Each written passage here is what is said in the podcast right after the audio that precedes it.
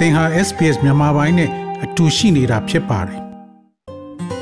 SBS မြန်မာပိုင်းကို အင်ကာနဲ့စနေနေ့ည10:00နာရီမှနားဆင်နိုင်တယ်လို့အွန်လိုင်းကနေလည်းအချိန်မီနားဆင်နိုင်ပါပြီ။သောရရှိမြခင်ဗျာ SBS ကယမန်နှစ်ကကဘာတဝမ်းမှာမေးမရတဲ့ဖြစ်စဉ်များကို ပြန်ကြည့်ပေးမှဖြစ်ပါတယ်။ ကိုဗစ်ကပ်ရောဂါကိုစုပ်ကိုင်ထားစေကဘာတစ်ခုအတွက်2021ခုနှစ်မှာအဓိကသတင်းဖြစ်ရများဖြင့်အဆက်မပြတ်တွေ့ရှိခဲ့ရပါတယ်။ Washington မှာတော့သမ္မတယာဒုအကူအပြောင်းမှာ American Democracy ရဲ့အခြေခံအုတ်မြစ်ကိုစမ်းသပ်ခဲ့တာကို တွေ့ရှိခဲ့ရပါတယ်။ Afghanistan မှာနှစ်20ကြာဒီမိုကရေစီပြန်လည်ထူထောင်ရေး project ဟာတာလီဘန်တို့အာဏာရလာပြီးနောက် အကြီးအကျယ်အကျက်ရိုက်စေခဲ့ပါတယ်။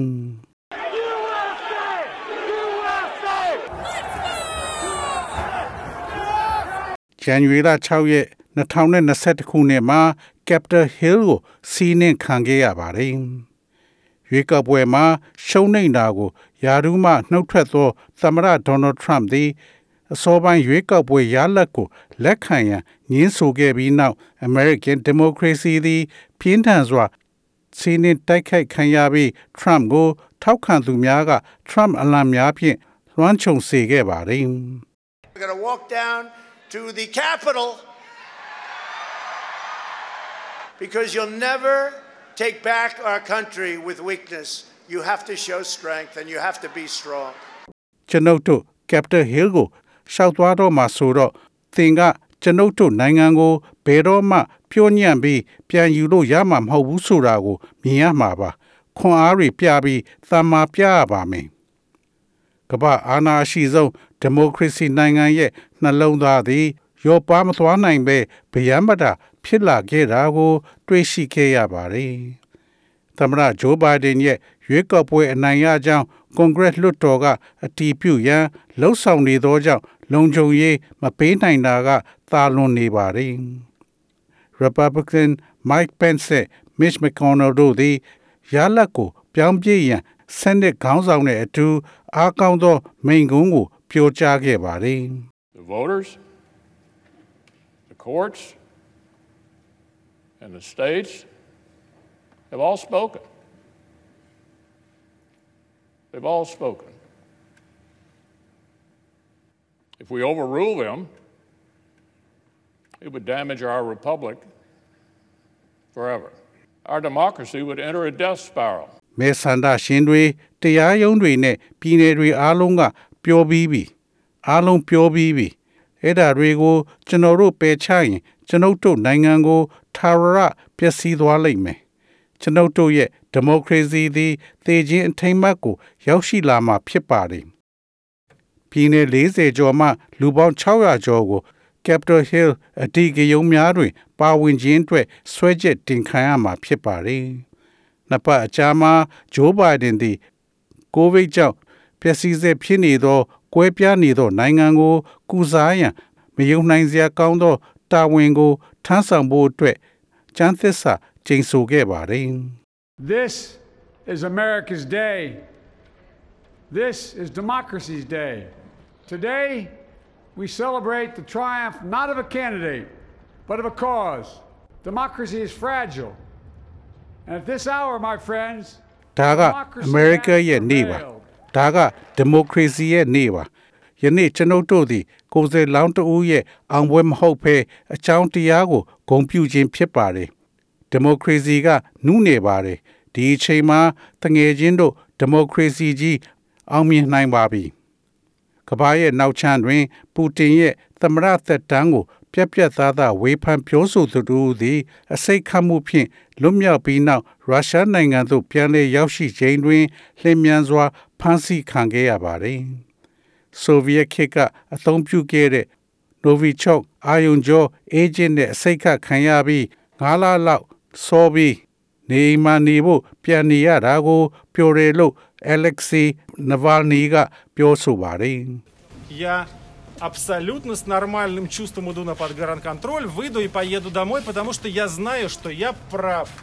ကျွန်တော်မကြောက်ပါဘူးကျွန်တော်နေဆက် ထိန်းချုပ်ရေးကိုဥတီသွားရောက်ချိန်မှာလုံးဝကောင်းတာကိုခံစားရပါတယ်ကျွန်တော်မှန်တယ်လို့သိလို့ယခုကျွန်တော်ဖြတ်သန်းမိအိမ်ကိုပြန်မှာပါ ဒါပေမဲ့ဒီယုံကြည်မှုကိုလွဲမှားစေခဲ့ပါတယ်နိုင်ငံကူလက်မှတ်ထိန်းချုပ်မှုကိုဖျက်ဆီးစဉ်တွင်မစ္စတာနဗာနီအားနေကြားဆောက်တတ်မှချက်ချင်းဖမ်းဆီးခေါ်ဆောင်သွားခဲ့ပြီး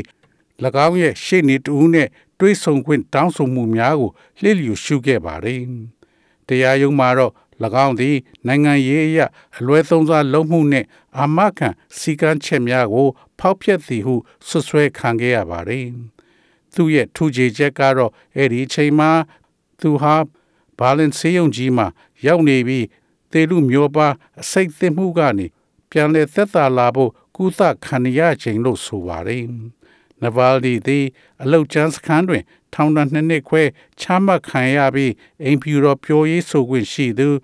ဂျန်ပါစကီပါဝင်ကမ္ဘာခေါင်းဆောင်များရဲ့ပြစ်တင်ရှုံချမှုကိုရုရှားကခံခဲ့ရပါတယ်။ We reiterate our call for the Russian government to immediately, unconditionally release Mr. Navalny, as well as the hundreds of other Russian citizens wrongfully detained in recent weeks for exercising their rights. ရုရှားအစိုးရသည်မစ္စတာနဗာလ်နီနှင့်မကြာသေးမီရက်သပတ်များအတွင်းမတရားဖမ်းဆီးခံထားရသောတခြားရုရှားနိုင်ငံသားရာပေါင်းများစွာကိုချွင်းချက်မရှိချက်ချင်းလွှတ်ပေးရန်ကျွန်ုပ်တို့တောင်းဆိုချက်ကိုထပ်လောင်းတောင်းဆိုပါတယ်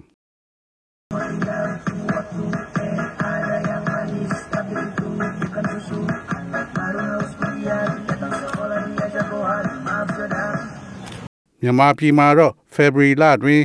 မြန်မာအကသမားတူသည် သူမရဲ့လေ့ကျင့်ခန်းကို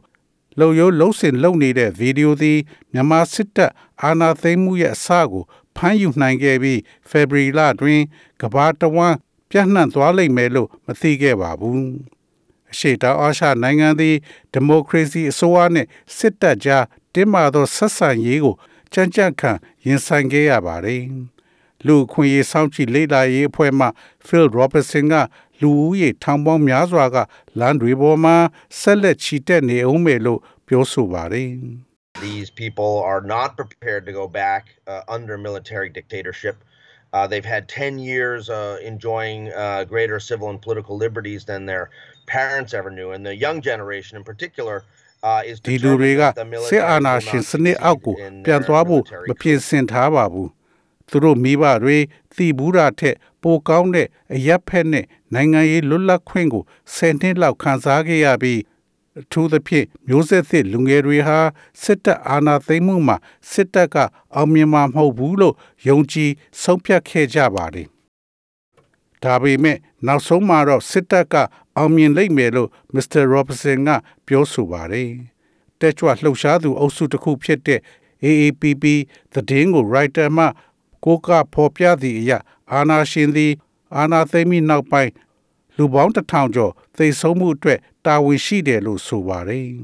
။နောက်တစ်ဖန်ဧပြီလမှာတော့အိန္ဒိယနိုင်ငံရဲ့ချမ်းမာရေးစောင့်ရှောက်မှုစနစ်သည်အကျပ်တဲသို့ကျဆင်းသွားသည်ကို မြင်တွေ့ခဲ့ရပါတယ်။တစ်ချိန်ကနိုင်ငံသည်24နာရီအတွင်း COVID-19 ကူးစက်မှုအသစ်3သိန်းကျော်ကိုမှတ်တမ်းတင်ခဲ့ပါတယ်။ Delta မျိုးကွဲသည် ရခင် coronavirus မျိုးကွဲများထက်အစားပေါင်းများစွာ ပိုသေးစေနိုင်တဲ့ကူးစက်နိုင်မှုကိုသက်သေပြခဲ့ပါတယ်။ဒုတိယလှိုင်းကတိုင်းပြည်ကိုအားအားသင့်စေခဲ့ပေမဲ့နောက်ဆက်တွဲဖြစ်တဲ့အောက်ဆီဂျင်ပြန့်နှံ့မှုကမဖြစ်သင့်ဘူးလို့ကျွမ်းကျင်သူတွေက ပြောဆိုပါတယ်။အိန္ဒိယနိုင်ငံရှိအထူးချက်မှတ်ကုသရေးဌာနအကြီးအကဲဒေါက်တာဆူမစ်ရေကအခြေအနေသည်မျှော်လင့်ချက်ကင်းမဲ့ကြောင်းဖော်ပြခဲ့ပါတယ်။ It is very bad. It's beyond bad, actually. It's not a crisis, it's a devastatingly bad situation. That's how I can describe it. ဒါက Reached အ a ရန် point, ဆိုးပါတယ် uh, where, uh, တကယ်ကိုအဲ့ဒါကအရန်ဆိုးပါတယ်ဒါဟာအချက်အတဲမဟုတ်ပါဘူးဒါဟာအလွန်ဆိုးဝါးတဲ့အခြေအနေပါအဲ့ဒါဘလို့လဲကိုကျွန်တော်ဖော်ပြလို့ရပါတယ်အချက်တဲဆိုတာက၎င်းအတွက်အလွန်ညင်သာသော စကားလုံးဖြစ်တဲ့နေရာကို ရောက်ရှိနေပြီဖြစ်ပါတယ် နောက်တစ်ခါအရှိအလဲပိုင်းမှာတော့အစ္စရေးနဲ့ပါလက်စတိုင်းတို့ကြားတင်းမာမှုများစုပွက်လာကဒေသတွင်း၌နှစ်များအတွင်းအဆိုးဝါးဆုံးအကြမ်းဖက်မှုတချို့ကို ဖြစ်ပေါ်စေခဲ့ပါတယ်။အရှိဂျေရုဆလင်တွင်ပါလက်စတိုင်းမိသားစုများကိုနှင်ထုတ်ရန်ကြိုးပမ်းမှုဖြင့်တိုက်ပွဲများစတင်ဖြစ်ပွားခဲ့ပါသည်။အစ္စရေးနိုင်ငံရှိမြို့ကြီးများကိုဒုံးကျည်များဖြင့်ဟာမတ်တို့ကအဆက်မပြတ်ပစ်ခတ်ခဲ့သောကြောင့် အယ်ကာဇာဘလီရှိပါလက်စတိုင်းဝစ်ပြူနေသူများကိုရဲတပ်ဖွဲ့ကဝင်ရောက်စီးနင်းခဲ့ပါတယ်။အစ္စရေးတပ်ရဲ့ပြောရေးဆိုခွင့်ရှိသူကရသသိဆုံးမှုအများအပြားအတွက်ဝေဖန်မှုများကိုရှောင်လွှဲရန်စ조사ခဲ့ပါတယ်။ Anybody who's been to Gaza knows that it is almost impossible to uh, surgically dis- uh, differentiate between terrorists and their infrastructure and civilians which are used by the terrorists as ဂါဇာ their ကို human shields ရောက်ဖူး in သူတိုင်း every အ aspect. ချမ်းဖက်သမားတွေသူတို့ရဲ့အခြေခံအဆောက်အုံနဲ့ဘက်ပေါင်းစုံက လူသားတွေကိုဒိုင်တွေအဖြစ်အချမ်းဖက်သမားတွေကအသုံးပြုနေတဲ့အရက်သားတွေကိုခွဲစိတ်ပြီးခွဲခြားဖို့မဖြစ်နိုင်သလောက်ဆိုတာကိုသိပါတယ်။နောက်တစ်ဖန်အနှစ်20ကြာသိမ့်ပိုက်ပြီးနောက် American တပ်များဆုတ်ခွာသွားသောကြောင့် အာဖဂန်နစ္စတန်နိုင်ငံမှထွက်ပြေးရန်ကြိုးပမ်းနေသည့်အာဖဂန်တချို့ရဲ့စိတ်ပြည့်အားငယ်မှုများကိုဩဂတ်လတွင်ကဘာကမြင်တွေ့ခဲ့ရပါတယ်။ဒါဇင်နဲ့ချီတဲ့လူတွေဟာကာဘူးလေစိတ်ပြေးလန်းပေါ်မှာပြန်တက်နေပြီဖြစ်တဲ့ American လေတပ်လေယာဉ်တွေကိုတွေ့ကပ်ဖို့ကြိုးစားခဲ့တာကို တွေ့မြင်ခဲ့ရပါတယ်။သမ္မတဂျိုးဘိုင်ဒန်က American စစ်တပ်ကိုရုတ်တရက်ရုတ်သိမ်းလိုက်တာဖြစ်ပါတယ်။သူက I stand squarely behind my decision. After 20 years, I've learned the hard way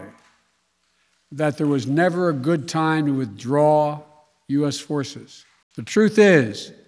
this did unfold more quickly than we had anticipated. So, what's happened? Afghanistan political leaders gave up and fled ကျွ the န်တော် country. ရဲ့ဆုံးဖြတ်ချက်နောက်မှာလေးလေးနက်နက်ကျွန်တော်ရပ်တည်ပါတယ် အနှစ်20အကြာမှာတော့ American တပ်တွေဆုတ်ခွာဖို့ခက်ခဲတဲ့နီလန်းကိုရွေးချယ်ခဲ့ရပါတယ်အမှန်ကဒါကကျွန်တော်တို့မျှော်လင့်ထားတာထက်ပိုမြန်သွားပါတယ်ဒါဆိုဘာဖြစ်သွားတာလဲအာဖဂန်နစ္စတန်နိုင်ငံရေးခေါင်းဆောင်များလက်လျှော့ပြီးနိုင်ငံတွင်းမှထွက်ပြေးသွားကြပါတယ်အာဖဂန်နစ္စတန်စစ်တပ်ပြိုကျသွားပါတယ်ထိုပြိုကျမှုရဲ့ရလဒ်မှာ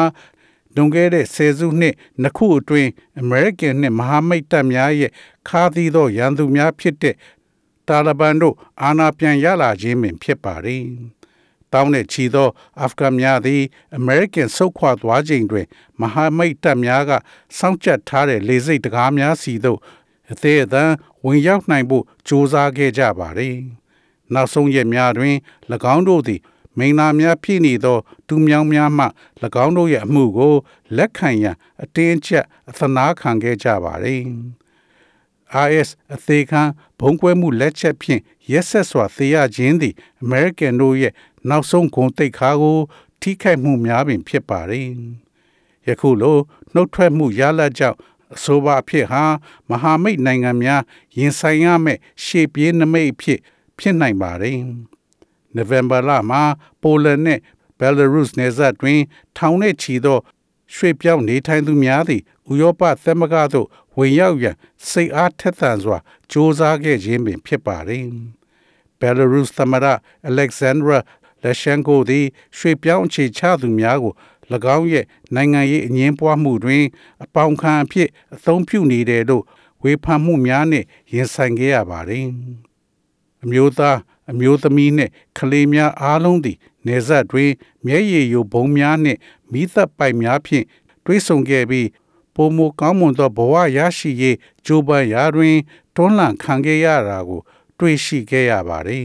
။သောရရှိမြတ်များ SBS သတင်းဌာနက Thai OQZ ရဲ့ဆောင်းပါးကိုဘာသာပြန်တင်ဆက်ပေးထားတာဖြစ်ပါတယ်ခင်ဗျာ။ SBS Radio App ကို download လုပ်ပြီးနားဆင်မှတ်ချက်ပြုနိုင်ပါတယ်။ဒါရိုက်သို့မဟုတ်အချိန်မီနားဆင်နိုင်ပါပြီ။စစ်တမ်းမှာပါဝင်နိုင်သလိုဆက်သွယ်မှုလည်းပြုလုပ်နိုင်ပါတယ်။ Google Play ဒါမှမဟုတ် App Store မှာအခမဲ့ရယူနိုင်ပါပြီ။